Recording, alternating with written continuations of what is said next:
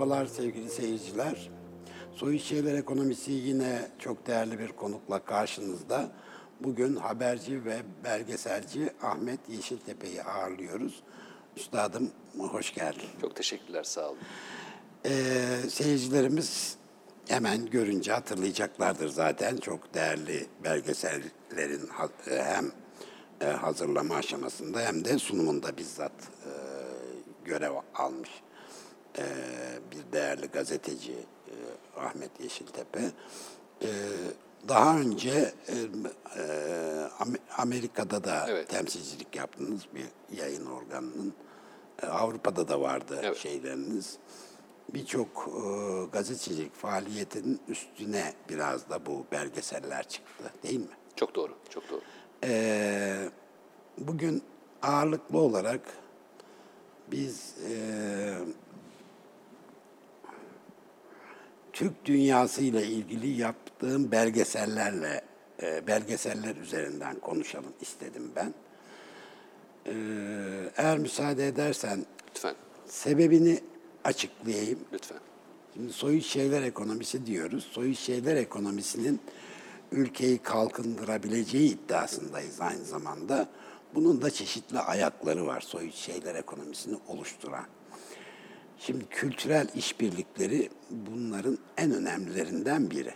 Şimdi bizim ülke olarak e, birkaç e, bölgeyle e, zaten çok önemli bir bölgedeyiz. Hani dünyanın eski dünyanın kesin kalbi, yeni dünyayı da sayarsan yine de kalbi diyebiliriz. Şimdi bizim son birkaç yüzyıldır e, Batı ile olan ilişkilerimizden hatta e, bu anlamda olmasa bile Osmanlı dönemindeki Batı ile olan ilişkimizden kaynaklı olarak bir Batı ile bir kesişim kümesi oluşturuyoruz. E, bunun dışında e, Türk coğrafyası Osmanlı'nın geride bıraktığı, Orta Asya'da, Asya'da bıraktığı Türk coğrafyası ve e, oradaki Türklerle de bir kesişim kümesi oluşturuyoruz kültürel anlamda. E, e, Türklerin İslamiyet'i kabulünden sonra, e, din olarak benimsemesinden sonra ister istemez Müslüman coğrafyayla da bunların önemli bir kısmını da Araplar oluşturuyor etnik olarak. Ama işte Asya, Güney, e, Güney Asya'da da Müslüman topluluklar var. Sonuç itibariyle İslam dünyasıyla da bir kesişim kümesi oluşturuyor. Bütün bu kültürel zenginliği Türkiye ne kadar değerlendirebiliyor acaba? Aslında bunu arıyoruz. Bu e, yaptığın e, zaman yolcusu belgeseli e, bu bakımdan bize çok önemli ve değerli bazı ipuçları veriyor. Şimdi e, yine her zaman söylerim bu programın daimi izleyicileri de hatırlayacaklardır. Mesela bir kültürel Osmanlı coğrafyası var. Bunun içinde çeşitli etnisiteler var. Araplar da var ama bazı Doğu Avrupa e, ulusları da var. E, şimdi Bulgaristan'da, Macaristan'da bir şekilde Osmanlı e, coğrafyası, kültürel anlamda da bunu söyleyebiliriz. Yunanistan hakeza öyle. Yani bir Osmanlı coğrafyası Yunanistan'da. Şimdi bakma niza ediyoruz filan ama yani sonuç itibariyle aynı kültürü paylaşmışız Yunanlılarla da. Şimdi bu e, bir e, arkadaşımız şimdi hatırlayamadım ama laf çok hoşuma gittiği için burada tekrar etmek istiyorum. Kahvenin cezveyle pişirildiği topraklar e, demişti bu Osmanlı coğrafyasına işaret ediyor. Bunu siyasallaştırdığımızda hemen Arapların tepkisiyle karşılaşıyoruz. Diğer ülkeler için de geçerli bu. Ee, e, sayarken atladım. E, Karadeniz'in üstü de Osmanlı coğrafyası yani evet. Ukrayna falan. Doğru. Şimdi oysa burada kültürel olarak çok geniş fırsatlar sunuyor bize bu coğrafya. Şimdi Osmanlı Türkleri geride bırakmış, Asya'da bırakmış ama sonuç itibariyle dediğim gibi orla, orayla da bir kültürel kesişimimiz var. Ee, o bölgelerin bunlar artık etnik olarak aynı kanı taşıdığımızı düşünüyoruz. Ee, haliyle kültürel olarak da bir takım yakınlıklarımızın doğal olarak olması lazım. Bu da kültürel anlamda e, çok ciddi fırsatlar sunuyor. Tabii kültürel fırsatlar aynı zamanda siyasi, aynı zamanda ekonomik fırsatları da önümüze getirebilir ama nereden başlayacağınız önemli. Siyasetten başlarsanız orada kalıyor, hatta önü kesiliyor. Şimdi önce şu, soruyu şuradan sorayım. Bu zaman yolcusu, e, yani özellikle Türklerin izinde belgeseli için seni tetikleyen, motive eden faktör neydi öncelikle? Çok teşekkür ederim. Bu son derece değerli programa davet ettiğiniz için e, onur duydum. E, Biz onur memnuniyetle katıldım. Doğrusu e, aslında sizin bu e, güzel girişinizin e, yani ya da özeti e, olarak hani ortaya koymuş olduğunuz bu fikrin e, bu soyut yani uzak doğuda ya da Orta Asya'da bir şekilde bir bağımız var fikrinin somutlaştırılmaya çalışılması. Belki böyle özetleyebiliriz projeyi. Aklımdan geçen bir projeydi. Bir yerde duruyordu ama ağırlıklı olarak aslında Anadolu'da e, ilgi duyduğum, e, işte Amerikalıların profesyonel hobi olarak tanımladıkları e, bir e, merakım, bir ilgi alanım var. O da klasik arkeoloji, sanat tarihi ve özellikle ön Asya araştırmaları. Ama klasik arkeolojide e, Helenistik dönem e, çok ilgimi çekiyor. E, Anadolu topraklarında yaşıyoruz. E, Bizden önce gidenler, gelenler, bizimle birlikte olanlar her cümerç olmuş bir milletiz. Yani e, sadece bu coğrafyada yaşayan belirli bir e, kültür e, odağı değiliz. Pek çok kültürün bir araya gelip harmanlandığı bir coğrafyada yaşıyoruz. O dönem e, televizyonda yaptığım işler ağırlıklı olarak Anadolu coğrafyasındaki e, antik yerleşimler, e, özellikle Helenistik ve Roma dönemi kent yerleşimleriyle ilgili çalışmalardı. Daha sonra e, bu kültür harmanlanmış kültür e, potasının içerisinde özellikle Türk dediğimiz, Türkler dediğimiz kesimin e, hikayesinin daha arka daha da e, geniş arka planını ve derinlemesine bir perspektifi elde etmenin yolunu düşünmeye, araştırmaya başladım. İşte o dönemde de e, imkanlar doğdu ve e, doğrusu ilk ziyaret ettiğim yer Çin'de bugün e, çok tartışmalı olan Xinjiang yani e, Çince Xinjiang olarak bilinen ama bizim Doğu Türkistan olarak bildiğimiz coğrafya oldu. Çinliler kızıyordu. o. Çinliler de çok yani. kızıyor Doğu Türkistan deyince haklısınız. Kaşgar e, ilk gittiğim, e, Turfan, e, Urumçi e, ve o bölge yani e, Doğu Türkistan olarak bildiğimiz o coğrafya ilk gittiğim yerdi. Arkasından e, Türk Hava Yolları o dönemde Moğolistan'a bir uçuş gerçekleştirdi. İlk uçuşa e, binme imkanına sahip Davet olan, edildin evet, davet Güzel. edildik. Ha, Çok şükür gittik ve e, Türklerin ilk yazılı belgeleri ya da tarih kayıt niteliği biliyorsunuz yazıyla başladığı için tarih Tabii. bizim de tarihimizin ilk başlangıcı ya da miladı olarak kabul edilen Orhun e, yazıtları. Arkasından e, o coğrafyada Güney Sibirya özellikle Tuva, Hakasya gibi Rusya Federasyonu içerisinde özel bölgelerde ama hani bizim orta dereceli okullarda okuduğumuz Orhun ve Yenisey anıtları diye bildiğimiz o arkeolojik e, eser ve objelerin ya da öğren yerlerinin hikayesini aslında biraz daha böyle popüler e, bir üslupla anlatan ama bilimsel tözü, cevheri e, ıskalanmamış. Yani mümkün olduğunca çok sayıda okuma yapılmış, üzerine çalışılmış ve bilimsel bir metodoloji içerisinde e, ortaya konulmuş bir proje. O projeye başladık. Yaklaşık bir 10 yıl e, çok farklı yerlere gittik. Bu sırada tabii e, bizden önce e, o coğrafyalara gidip e, televizyonlar için belgeseller yapmış olan ya da işte seyahat programları yapmış olan kişilerin işlerine de baktık. E, 1990'lı yıllarda yani büyük kolaps dediğim yani büyük çöküşle yani Sovyetler Birliği'nin dağılmasıyla birlikte özellikle e, Orta Asya coğrafyasında e, ortaya çıkan yeni Türk Cumhuriyetleri ya da Türk kökenli ya da Türkçe konuşan insanların yaşadığı ve bizim kültürel akraba olarak tanımladığımız hatta e, kimi e, araştırmacı ve uzmanlara göre kan bağının da olduğunu düşündüğümüz o topluluklarla daha fazla yakın e, temas kurma imkanımız da ortaya çıkmıştı. İşte tam 90'lı yılların ikinci yarısından itibaren başlayan bu macerada aslında bize çok yakın fakat bizi çok da bilmeyen ama bir taraftan da gözü batıda olur hani olup ama ilk baktıkları yer ya da coğrafya Anadolu olan e, halklarla karşılaştık. Ve bu halklar halkların hikayesi daha önce tabii akademik çalışmaları ayrı bir yere koyuyorum ama özellikle popüler çalışmalarda daha çok ideolojik sayıklarla, e, amaçlarla ele alınmış hikayelerin kahramanlarıydı. Yani biraz hamaset vardı. Hatta bugün işte bir terör örgütünün e, e, olarak tanımlanan işte cemaatin televizyonları tarafından orada bir takım okullar açılmıştı. Onların hikayeleri falan anlatılıyordu. Ama orada gerçekten e, bizim biz, bizle bağı olduğunu düşündüğümüz ya da onların da bizimle bir bağı olduğunu düşündüğü e, o halkların buluşmasını gerçek anlamda sağlayabilecek e, ki kitle iletişim araçları çok gelişmiş olmasına rağmen ve işte belgeseller de ortaya konuluyor olmasına rağmen tarafsız, ampirik yani sadece gözleme dayalı, biraz da işte bilimsel akademik çalışmanın da mutlaka içine konulmuş kültür tarihçiliğine soyunan, çok iddialı belki ama seyahatnameden biraz daha ötede bu insanlar bize nasıl bakıyor? Bizim bu insanlarla ilişkimiz nedir sorusunun cevabını arayan bir proje. Çok hikaye çıktı. Ee, çok da etki yarattı zaman yolcusu. Hatta ve hatta öyle bir e, kanal açtı ki yani o bölgelere, Tuva'yı adını bile bilmeyen birçok insan e, Tuva'ya, Tuva'nın başkenti Kızıl'a, Novosibirsk üzerinden Türk Hava Yolları'nın e, uçuşlarıyla oraya gittiler.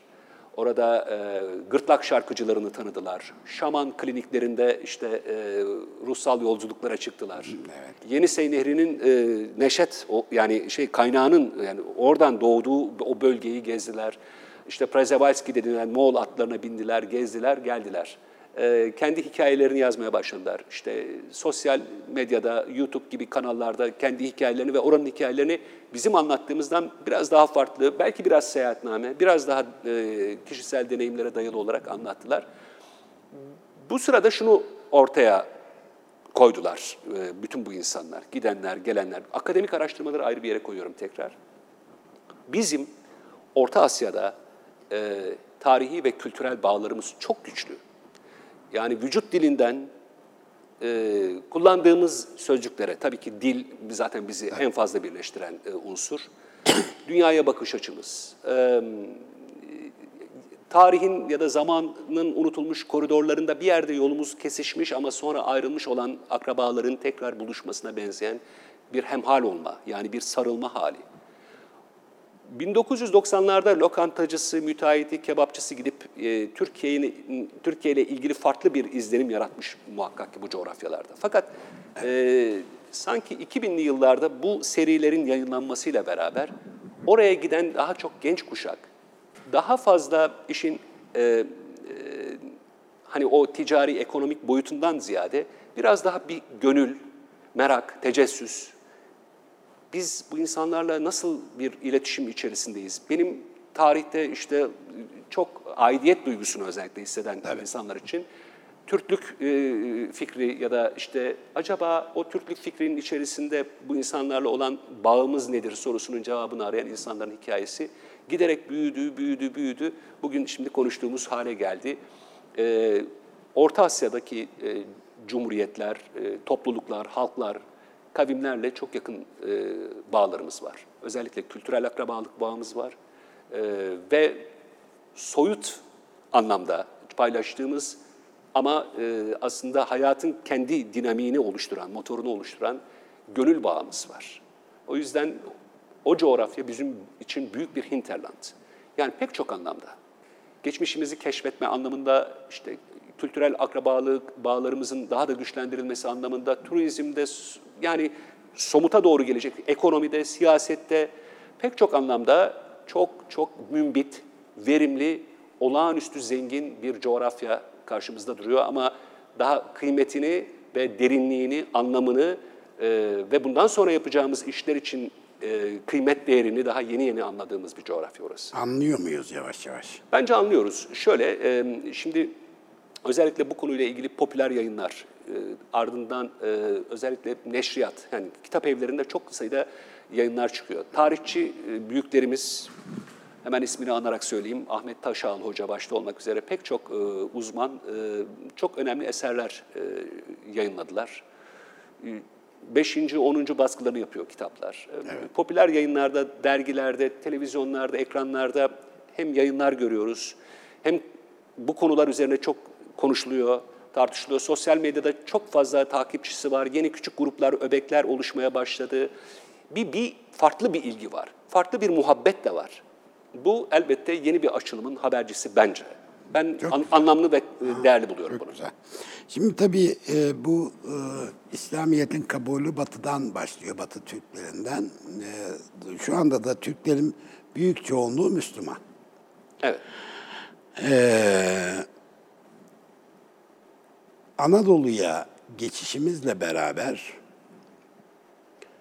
e, bir kültürel katışım oluyor. Aslında e, sadece İslamiyet değil, aynı zamanda bir e, Helen e, arkeolojisine ilgi duyan bir gazeteci olarak da bu soruyu sormuş olayım sana. E, buranın kültürüyle de Tabii. bir hemhal olma durumu söz konusu. Bu ne getiriyor? Aslında Orta Asya'da bıraktığımız akrabalarımızdan ister istemez kültürel anlamda farklılaşmamızı getiriyor. Bu bir kopukluk yaratıyor mu? Ee, Böyle bir gözlemin oldu mu? Mesela? Bu bir zenginlik aslında. Muhakkak Ama bu- zenginlik olduğunu kabul ediyorum. Onlar da bunun bir zenginlik yani kanaat önderleri düzeyinde söylüyorum. Bunun bir zenginlik olduğunu düşünüyor. Ya da benim ampirik gözleme dayalı e, görüşüm bu yönde. Ha, yani şöyle şeyler de olabilir, şöyle tepkiler de olabilir çünkü. Yani gittiniz, Ya, evet. farklılaştınız. Evet, Batı'la ya da farklılaştınız. bambaşka bir, bu coğrafyanın insanı olmaktan çıktınız. Türk sayılmaz bile Ee, filan gibi. gibi şeyler de olabilir. E, e, evet, e, çok doğru bir soru bu. E, nasıl Arap coğrafyasında halklar Türkiye ile ilgili bir algıya, işte yöneticiler farklı bir algıya sahipse, zamanın ruhu itibarıyla söylüyorum.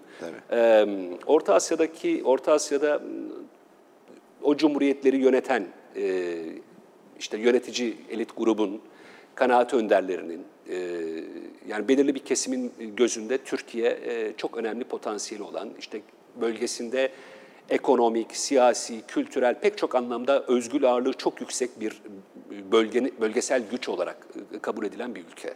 Yani bir bir outlet, yani bir çıkış noktası Avrupa'ya, dünyaya, e, Türkiye üzerinden bir akses yani batıya gidecekseniz, şimdi mesela bunu en e, somut anlamda sağlayan Türk Hava Yolları oldu. Uzun yıllardır e, e, Orta Asya'ya sık sık giden birisi olarak biliyorum. Yani Moğolistan'dan uçaklar tıklım tıklım geliyor. Çünkü Moğolistan'dan mesela Moğolistan ki e, daha yakın akrabalık bağı olduğunu düşündüğü Kore üzerinden yani Seoul üzerinden Amerika'ya uçacağı yerde hem e, finansal olarak daha kolay hem de Türkiye'de bel- belki bir stopover yapıp yani birkaç günde kalıp da Türkiye'yi de gözlemlemek anlamında ki Moğollar biraz daha dışarıda ve yani de- doğrudan akrabalık kurabileceğimiz bir topluluk olmamasına rağmen yani Ulan Batur'dan İstanbul'a, İstanbul'dan New York'a. Aynı şekilde Almatı'dan e, Astana bugünkü adıyla Nur Sultan, işte Bişkek'ten e, yani o Novosibirsk'ten anlatabiliyor muyum? Yani çok çok geniş bir coğrafyadan insanların İstanbul üzerindeki o uçuşlarını gerçekleştirip İstanbul'dan batıya e, iş yapmak üzere turistik faaliyetler amaçlı olarak gittiğini, geldiğini gözlemledim. Bu bir e, güzel bir hikaye. Bu belirli bir altyapı oluşturuyor. Eğitim amaçlı geliyor insanlar, gezmeye geliyor, iş yapmaya geliyor. E, zaten küresel bir köyde yaşıyoruz. E, bu imkanı Türkiye sağlamış oluyor. Türkiye bu anlamda değerli, kıymetli bir ülke. Ama diğer taraftan e, tekrar soyut işlere dönecek olursak, e, yani Türkiye'den geliyorum dediğinizde tamamen bağımsız söylüyorum.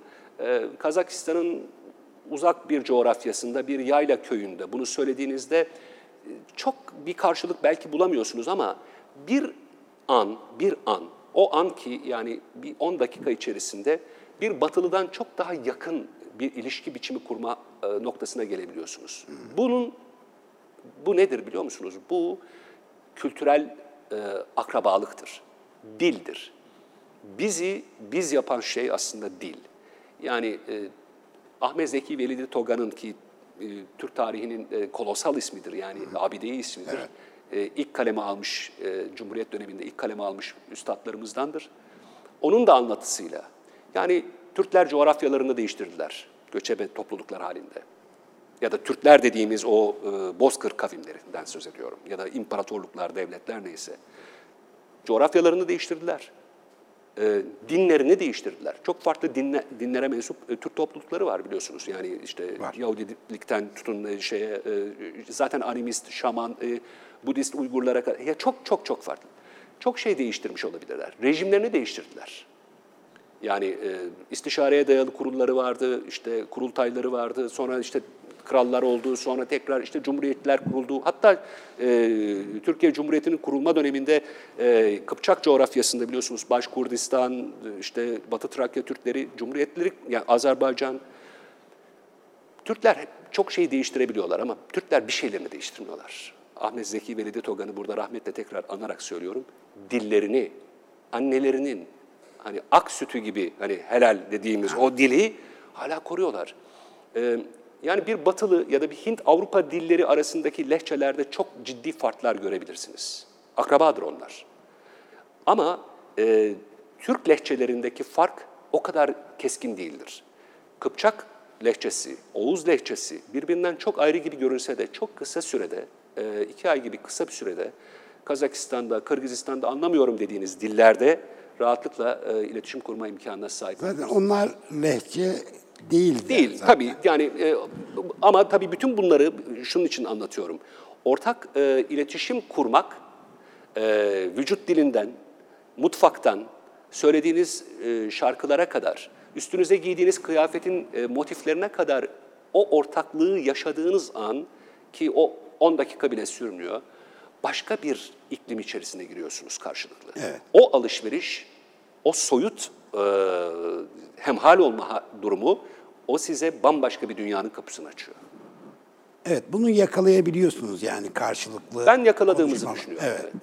Yani e, sonuçta Bozkır'da bir köyde bir e, diyelim ki bir köylü kadın Türkiye nedir belki Azerbaycan nedir filan bunlarla ilgili de çok fazla fikri olmayabilir. Ee, ama ikili ilişkiye girdiğinizde bir diyalog ortamı oluştuğunda diyorsunuz. Hatta yani bu, bu kıyaslandığında batılı ya da farklı topluluklardan daha fazla ve daha hızlı ve daha sıcak, içten bir e, karşılaşma ve buluşma anlamına geliyor diyorum. geliyor. Bu peki e, yani bölgenin, bu coğrafyanın toplumlarının batılılan ayrışan yönü müdür? Yoksa gerçekten bu akrabalığımıza mı işaret eder? Bu akrabalığımıza işaret eder. Ee, bu e, aslında birlikte bir şeyler üretme fırsatının da zeminini oluşturur. Elbette e, dünya az önce söylediğim gibi artık bir küresel köy. Hiçbir şeyin önüne geçemiyorsunuz. Pandemi dediğimiz mesele yani epidemi ya da küçük bölgesel bir salgın olmaktan bir anda çıktı. E, bir ay bile sürmedi Çin'den e, başka coğrafyalara gidişi gelişi. E, denizlerde, okyanuslarda binlerce kargo gemisi yük taşıyor. Milyonlarca insan uçaklarda, trenlerde bir yerden bir yere hareket halinde. İletişim artık sonu yok. İnternet var elimizin altında, dijital yayınlar var, uydu vasıtasıyla fiber kablolar, şu bu. E, sözün özü zaten bu e, yoğun e, içli dış mı olma durumu e, dünyanın her coğrafyası için geçerli. Yani şöyle bir örnek vereyim size. Kazakistan'da bir demiryolu işçisi İmam Bek isimli 19-20 yaşlarında gencecik bir çocuk batıda çok popüler bir şarkıyı alıp onun üzerinde bir yani amatör bir DJ olarak bir düzenleme yaptıktan sonra dünya çapında şöhrete ulaşıyor ve yani Grammy kazanıyor. Evet, Yani İmam Bek şu anda istasyonda çalışırken yani demiryolu işçisiyken dünya çapında bir DJ. Böylesine bir hayat yaşıyoruz. Her an her şey olabilir. Anlatabiliyor muyum? Ama şu asıl olan bence. e, içinizde barındırdığınız bir takım zenginlikleri e, başkalarıyla paylaşırken onların e, kesişme noktasını bulmak. Bu işleri daha da kolaylaştırıyor. Yani bu size pozitif bir ayrımcılıkla yaklaşılmasını sağlıyor. Anlatabiliyor muyum? Ee, İslam coğrafyasında e, yani ümmetin bir parçası olarak e, gördüğünüz saygıyı, muhabbeti her yerde görüyor musunuz bilmiyorum. Bu bir mesele. Yani bu bir bu bir avantaj olabilir. Aynı şekilde Türk'üm ya da Türklük bilincindeyim ya da aidiyet duygum var, sizinle kan bağım ya da işte kültürel bağım var demekten ziyade gidip kültürel ortak değerlerinizi bir an için, tekrar söylüyorum, bir an için ve iştenlikle yaşadığınız ilk 10 dakikada e, pek çok fırsatı, yani e, işi tabii şeye tahvil etmeyeceğim, soyut işler ama, somut işler ama yani e, iş, illa ekonomiye, ticarete birçok konuda siz daha önde geliyorsunuz. Az önce en başta o soruyu sorarken siz Batılılardan veya diğer toplumlardan daha mı avantajlısınız? Evet, e, bizim arka bahçemiz, arka bahçe ifadesi bazen hani başka tür anlamlara geldiği için kullanmakta imtina ediyorum ama arka bahçe demeyelim, bizim gönül coğrafyamız aslında, kadim gönül coğrafyamız Orta Asya. Yani e, buradan uçağa atlayıp Türkistan'a gittiğinizde ki Türkistan eski adıyla Yesi kentine gittiğinizde bugün büyük bir şey var. E, inkişaf ediyor kent. Hoca Ahmet Yesevi'nin türbesinin bulunduğu, Anadolu Müslümanlığı olarak kimilerinin, kimi uzmanların tanımladığı e, Bektaşiliğe kadar uzanan o gönül yolculuğunun aslında neşet ettiği yer. Yaklaşık iki saatlik, üç saatlik yolculuktan sonra Çimkent'e ya da Yesi'ye ya da bugünkü adıyla Türkistan'a indiğinizde, Güney Kazakistan eski eyaletin adı şimdi Türkistan oldu Kazakistan tarafından o şekilde ilan edildi. Emin olun karşılaştığınız her insan, arada 1500-2000 yıl var, ee, arada binlerce kilometre var. Anadolu'da herhangi bir köyde gezdirmekten farklı bir şey değil. Zaten köylerin adı da Çavuldur, Bayındır, e, Soğur falan. Evet. Yani biz e, bizim köylerimiz. Zaten Dede Korkut hikayeleri oradan başlıyor. Evet.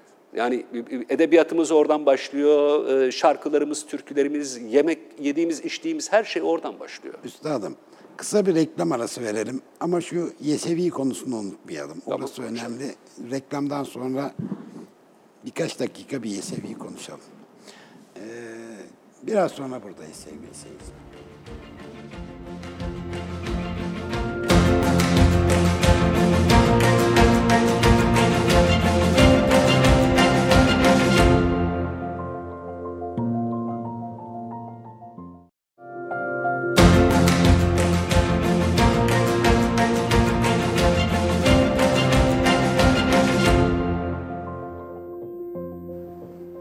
Tekrar merhabalar sevgili seyirciler. Belgeselci ve haberci Ahmet Yeşiltepe ile sohbetimize devam ediyoruz.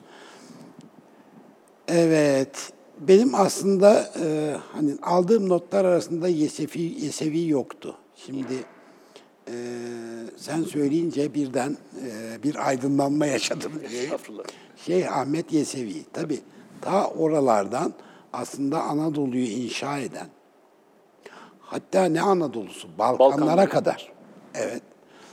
Ee, Ahmet Yesevi'nin e, aslında e, bütün e, e, işte İslam anlayışının yaygınlaştığını görebiliyoruz.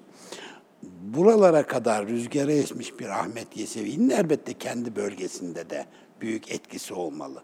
Şimdi bu çok, şimdi tabii çok büyük bir kültürel omurga burası bir taraftan baktığınızda da. Öyle değil mi? Türk toplulukları ya da kavimleri arasında İslamiyet'i ilk kim kabul etti sorusunun cevabını aradığımızda e, bu belgesel seri içerisinde ilk gittiğim yerlerden birisi de. E, o dönemde Rusya ile ilişkilerimiz çok daha rahat ve kolaydı. E, yani oralara gidip gelmek. Bulgar'dı. Bulgar, e, Tataristan'ın başkenti Kazan'ın yaklaşık e, 200 kilometre, 150 kilometre kadar güneyinde kadim bir başkenttir. Yani Hazar Türklerinin e, kadim başkenti. 8. 9. yüzyıldan sonra e, inkişaf etmiş Hazar İmparatorluğu'nun e, başkenti, baş şehri. E, İslamiyet'i ilk Hazar e, Türklerinin kabul ettiği yönünde e, bir genel görüş var. Ama bununla birlikte biz tabii daha çok e, benim e, yaş grubum ve kuşağımda orta ve lisede e, o, o dönemde e, işte Karahanlılar, Satuk Buğra Han'ın e, yani yönetici tabakanın e, ilk önce İslamiyet'i kabul etmesi, işte e, Samani e, dervişlerinin e, etkisiyle daha sonra külliyen ulusun yavaş yavaş evet. e, İslamiyet'e geçişi gibi.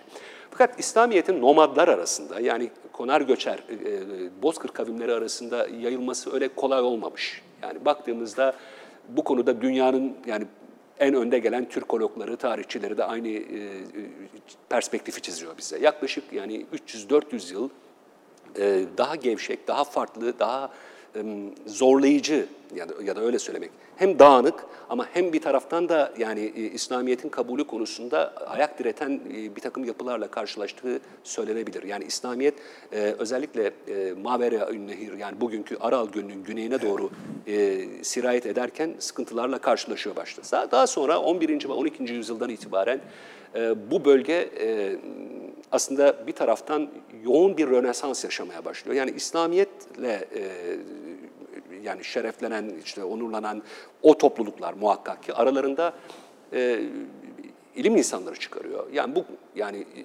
İslam ilimleri konusunda belirli tedrisatı gören, işte Arap Yarımadası'na gidip gelenler ama bunlar arasında öğrencilik, işte o, o talebelerin birbirine aktardıkları, bunlar arasında belirli insanlar, belirli e, portreler var ki bunlar arasında sizin de sözünü etmiş olduğunuz şey Ahmet Yesevi e, herhalde e, en abideyi isim. Evet. Yani nomadlara işin kolayını anlatmak. Yani e, çünkü Bozkır coğrafyasında ibadetin de e, zorlayıcı olduğu söylenebilir.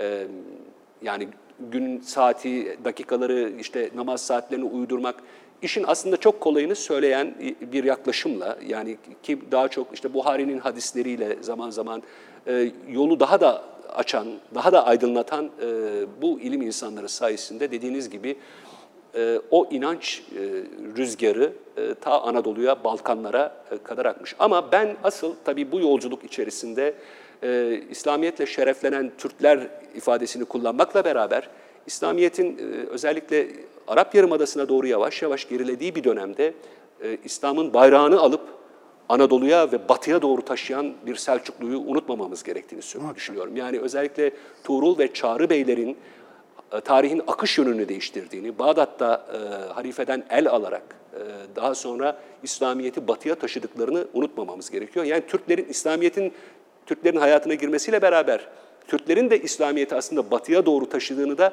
hatırlatmam gerekiyor. Bu çerçevede şunu söyleyeceğim. E, çok farklı görüşler var muhakkak ki. Bu görüşleri arasında birisini biraz daha yukarı çıkarıp e, daha fazla ondan söz etmek ister istemez belli bir tarafgirlik haline geliyor. E, bizim Türk coğrafyasında gezerken veya işte görüntülerken, röportajlarımızı yaparken izlediğimiz metodoloji şuydu. Gözleme dayalı olsun her şey. Onlar anlatsın bize. Yani Baş Kurdistan'da, e, Ural Dağları'nın eteklerindeki bir dağ köyünde bal üreten bir e, çiftçinin ya da işte üreticinin evinde yemek yerken kadının bize Türkiye ve Türklerle ilgili anlattıkları yani hala hafızamda çok değerli bir yerde, yüreğimde. Çuvaşistan'da e, şey Ortodoks e, dinine mensup e, yani onlar da Ruslar tarafından bir tür asimilasyona uğramış bir Türk kavmi Çuvaşlar. Çuvaşistan'a gitmemiz sebebi de şu e, idi. Türk, Türkçe'de unutulmuş e, yani iki büyük kolda yani Çağatay lehçesi ve e, yani e, Oğuz'da e, çok unutulmuş bir çoğul ekinin peşinden gittim. Larlar eki var hmm. işte. Birkaç çoğul eki daha ama Çuvaşlar kullanıyor. Z ekini kullanıyorlar mesela kendi dillerinde. Sadece o çoğul eki için kilometrelerce yol yaptım. Yani, e, yani ve o çoğul ekinin hikayesini anlattık. Sözün özü gelmeye... Pardon bu arada da öğrenmiş oldum. Z eki. Z eki. Z sesi. Hala çok tartışmalıdır. Bu bununla tartışmalı olmakla beraber tartışmalı olmakla beraber bir e, güçlü bir teoridir. Yani e, şimdi sulandırmak tabii anlamına gelmesin. Bunun tabii üstadları var. Bülent Bayram'ı burada e, muhabbetle hatırlıyorum. Çünkü kendisi Hoca Ahmet Yesevi Üniversitesi'nde şu anda e, öğretim görevlisi. Uzun yıllar Kırklareli Üniversitesi'ndeydi. Profesör hocamız Çuvaş dili uzmanıdır. Ömrünü böyle işlere vakfeden e, insanlar var ülkemizde. Yani e, evet. kültür tarihçiliği. Yani, ne güzel bir şey. Evet. Tabii küçük ya, bir ayrıntı bu. Küçük, evet. Yani unutulmuş bizim e, çoğul eklerimiz var. İkiz 300'deki Z de belki o çoğul eki. İkiz 300, diz, göz, omuz evet. bunlar üzerine e, oks, oks, oks, oğuzlar yani oklar, kollar evet. e, gibi speküle edebiliriz. Tekrar evet. söylüyorum bu e, akademik olarak kesin ortada bir gerçek değil ama bu teoriler üzerinden çok şey konuşulabilir. E, özellikle etimoloji ve dil üzerine çalışmaya başlayanlar e, görür ki e, dil arkeolojisi dünyanın en zevkli alanlarından Doğru. birisidir. Evet. Dil e, bizi unuttuğumuz tarihin böyle karanlık koridorlarında hatta Acaba orada mıydık? Ama sanki hafızanın yeri, yeniden geri gelmesini sağlayan e, ipuçları gibi karşımıza çıkar. E, Zaten Çok üstad, bu toplulukların bir kısmının e, etnik olarak Türk olup olmadıkları tartışılıyor. Ama Türkçe konuştukları kesin. Bravo. Şimdi onu söyleyebilir miyim? Yani bu Tabii, bakın buyur. benim benim miladım bu konuyla ilgili bir kitaptır. Ve bu kitabı inşallah bir daha tekrar tekrar baskılarını yaparlar. Doğan Kuban ama Ergun Çağatay. Ergun Çağatay e, Türk gazeteciliğine ya da haber fotoğrafçılığına diyelim büyük bir perspektif kazandırmış bir isimdir. Ergun Çağatay ve Doğan Kuban'ın 2007 yılında maalesef ki Türkiye'den değil daha o zaman e, Norveç'ten e, e, bir fon, Prens fonu ile çıkardıkları Türkçe Konuşanlar kitabı benim hayatımı değiştiren bir kitaptır. Türkçe Konuşanlar kitabını e, uzun uzun anlatabilirim size. Ama Türkçe Konuşanlar Ergun Çağatay'ın e, yaptığı işin bir tür televizyon ayağını yapma gayretiyle e, ortaya çıkan sonucudur, zaman yolcusu. E, o onlarca yıl, o, o Orly katliamı sırasında biliyorsunuz Orly'de Fransa'daki patlama sırasında Ermeni terör örgütü Asala'nın e, saldırı sırasında e, vücudu yandı. Çok büyük bir e, travma geçirdi. Beş yıl kendisini zor topladı. Ondan sonra Orta Asya'ya gitti. Ve bir anlamda healing process, İngilizce'de hani Türkçe'de iyileşme sürecini yaşadı orada. 10 10 yıldan fazla e, benim daha sonra kendisinden 10 yıl sonra yaptığım yolculukları o fotoğraf makinesiyle yaptı ve Doğan Kuban'la beraber e, Türkçe konuşanları çıkardılar. Orada özellikle altına çizdiği bir nokta var e, Doğan e, Ergun Çağatay'ın. E, o benim için milattır. Diyor ki yani çok doğru e, bir isim. E, e, Helen e, Karadanse.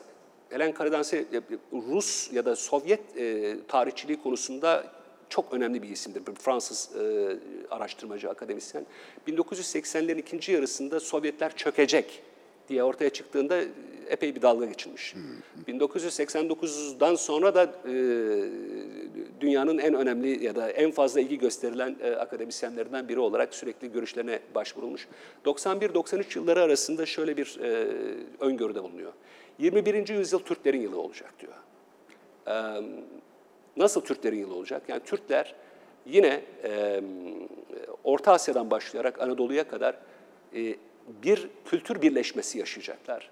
E, Sovyetlerin bu dağılmış olma halinden faydalanabilirlerse ve kültürel bağlarının e, ilmiklerini doku, yani tekrar dokuyabilirlerse. Ergun Çağatay bunun altını çizdi, çiziyor kitapta. E, sonra buna buna ilişkin e, yapılan tabii seminerlerin e, metinlerini okuma imkanım oldu. E, o tabii heyecan verici bir e, kehanet değil mi? Yani e, dünyada belirli bir güç olarak e, yani akraba milletlerle beraber e, sadece bir bölgesel değil yani dünyada bir süper güç olarak ortaya çıkmak.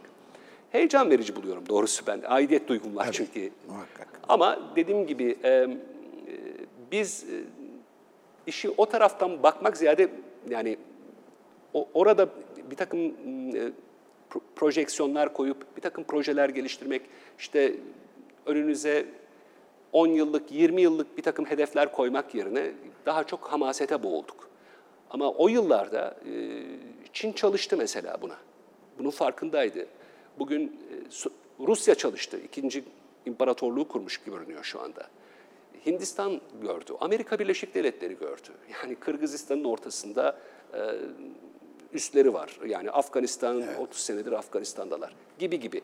Demeye çalışacağım e, yani Orta Asya'da ikinci büyük oyunun e, henüz başlarındayız.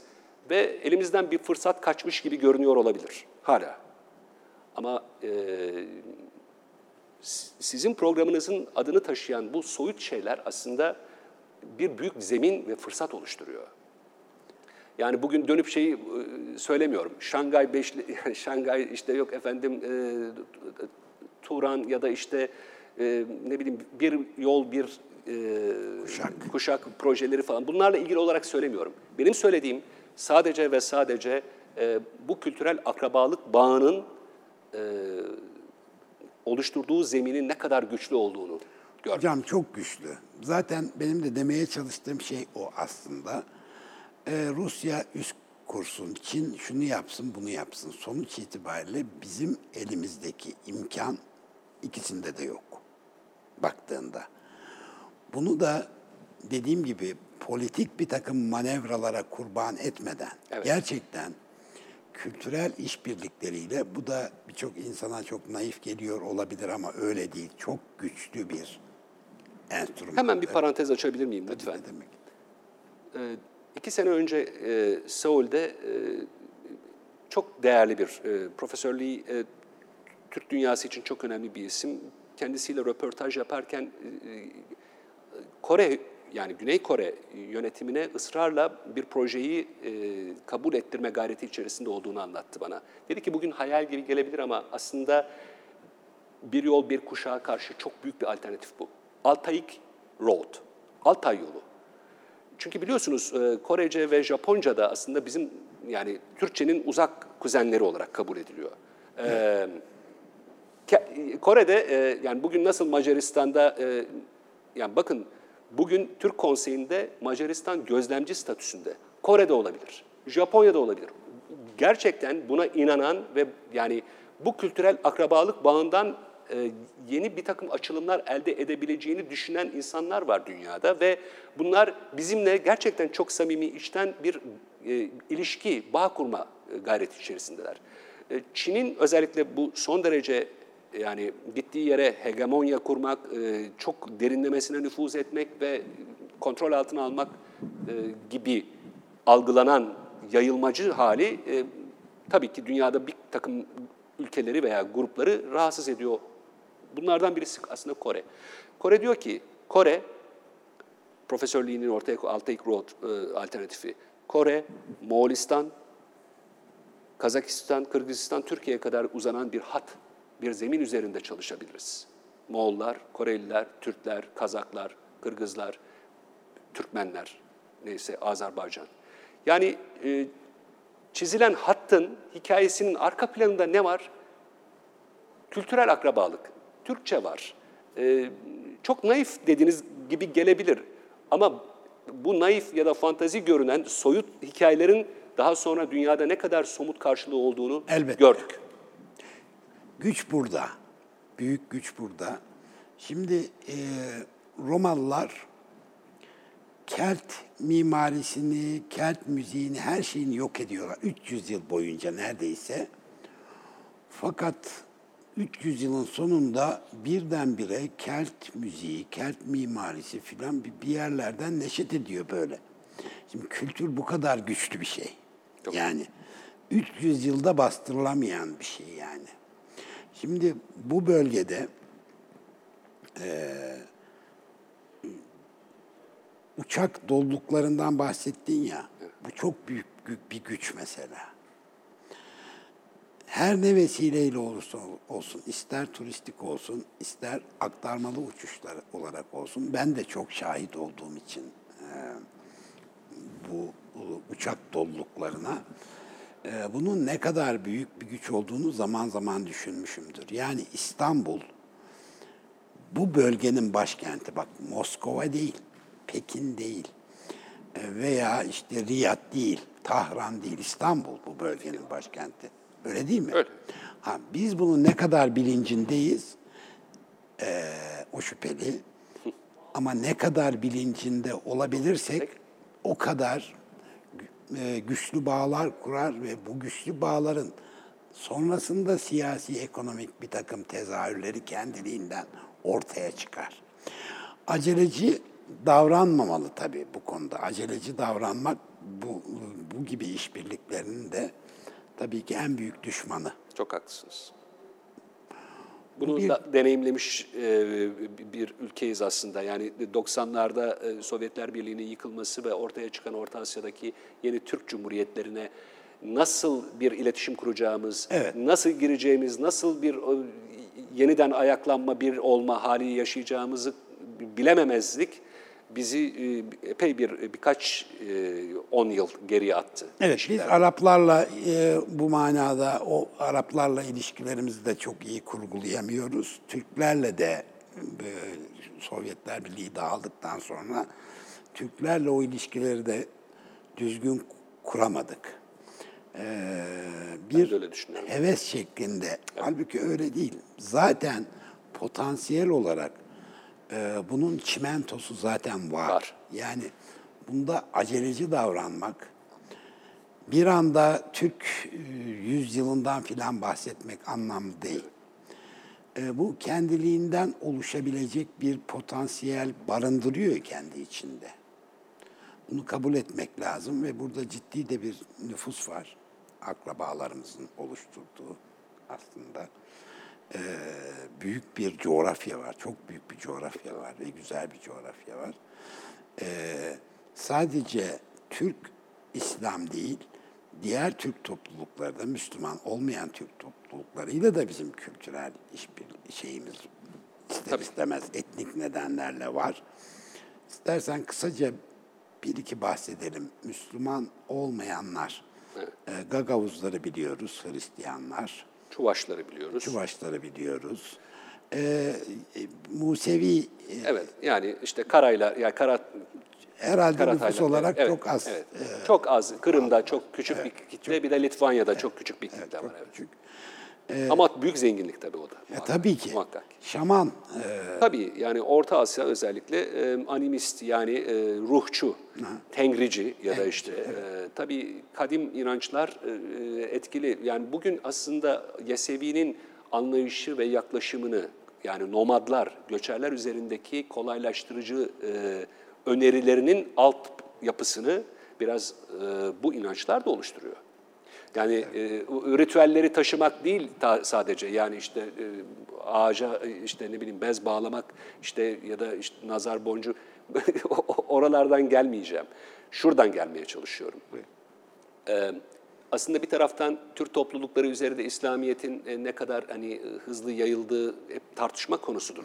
Evet çok hızlı oldu ya da olmadı. Talas'la hemen Talas Savaşı'ndan sonra öyle bir süreç yok ama şu da bir gerçek. Ee, kolaylaştırıcı olan tengricilik yani bir tek büyük tanrının varlığını e, kabul etmiş nomadlar arasında e, yayılması nispeten daha kolay olmuştur muhakkak ki. Diğer taraftan tabii işin sadece inanç tarafı yok yani politik nedenler de var. Yani bugün Hazar, geçmişteki e, Hazar Türklerinin e, Niye Musevi niye? Musevi Evet. oldukları konusunda birçok e, şey var, teori var. Aynı şekilde Satuk Buğra Han'ın e, yani İslamiyet'i kabulünde Samani dervişlerin çok büyük katkısı olmakla beraber o dönemin e, şartları, e, zamanı, ruhu itibariyle bir hamle olduğu da düşünülebilir. Bütün bunları bir yere koyarak şunu söylemek istiyorum.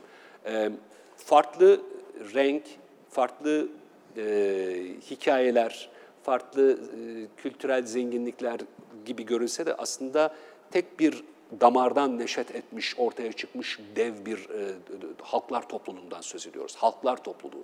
Bu Altay Dağları'nın, bugünkü Güney Sibirya, Moğolistan'ın kuzeyindeki bölge. O bölgede e, Altayları aşıp e, Aral'a inmiş ve Mavera Nehir'de büyümüş, yükselmiş, inkişaf etmiş. İşte ilk önce onar yirmişer e, aileyken daha sonra e, Dandanakan Ovası'nda Karakum'da e, Sultan Mesud'un ordusunu yenmiş ve devletleşmeye başlamış bir Selçuklu hikayesi var. Diğer tarafta Altayların diğer tarafına giden veya kalan Uygurlarımız var. Ta Saha dediğimiz alanda, Yakutistan olarak bildiğimiz ki e, o coğrafya hani çok klişedir. Elementler tablosunda her e, maden ya da her elementin yer aldığı bir devasa coğrafya. Yakut ismi zaten o bölgeden geliyor, değerli taşların. Ee, Kazakistan e, zaten hani petrol, doğalgaz aynı şekilde yani yeraltı kaynaklarıyla, yerüstü kaynaklarıyla büyük bir zenginliğin üzerinde oturan bir coğrafya. Halklar topluluğundan söz ediyoruz. Çok geniş. Yani bakınca ta e, şeyden başlıyorsunuz. Yakutsk hatta işte Bering Boğazı'ndan başlıyorsunuz. Anadolu'ya kadar geliyorsunuz. Heyecan verici geliyor tabii. Özellikle e, yani Bolşevikler tabii devrim yaptıktan sonra işte biliyorsunuz e, Sultan Galiyev, e, Avrasyacı Sultan Galiyev o dönemde e, işin bu kültürel tarafını görmüş ve bu kültürel e, dokunun etrafına yeni bir şeyler örmek üzereyken e, hayatını kaybetmiş e, bir düşünür. Onun yolundan giden Avrasyacılar var şimdi Türkiye'de veya işte o coğrafyada. işte Turan ülküsü peşinde koşanlar var. E, farklı ideolojik yaklaşımlar da var muhakkak ki. Ama e, geldiğimiz nokta şu, e, her ne olursa olsun bizi biz yapan, kültürel değerlerin e, nereye doğru evrileceğini şu anda öngörmek mümkün değil ama o kültürel değerlerin üzerinde çalışılması ve o kültürel değerler üzerinden e, somuta gidilmesi imkanı var. Zaman yolcusunu yaparken aslında biraz da arka planda hep bunu düşündüm. Bu zenginlik, bu zenginlik muazzam başka zenginliklere yol açabilir.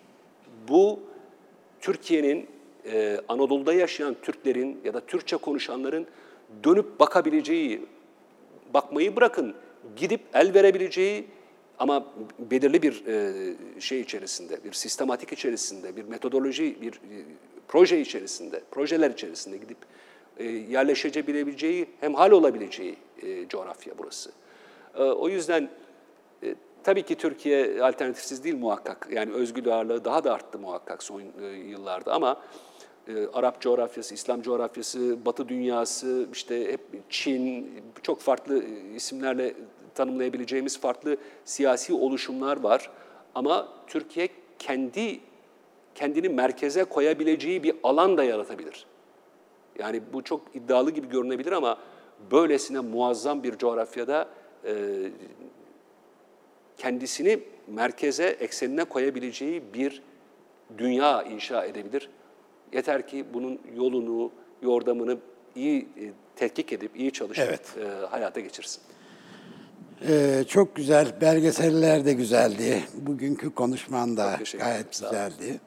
Teşekkür ediyoruz. Ee, umarım bu hayaller gerçekleşir diyelim. İnşallah. Yani olmayacak şeyler değil.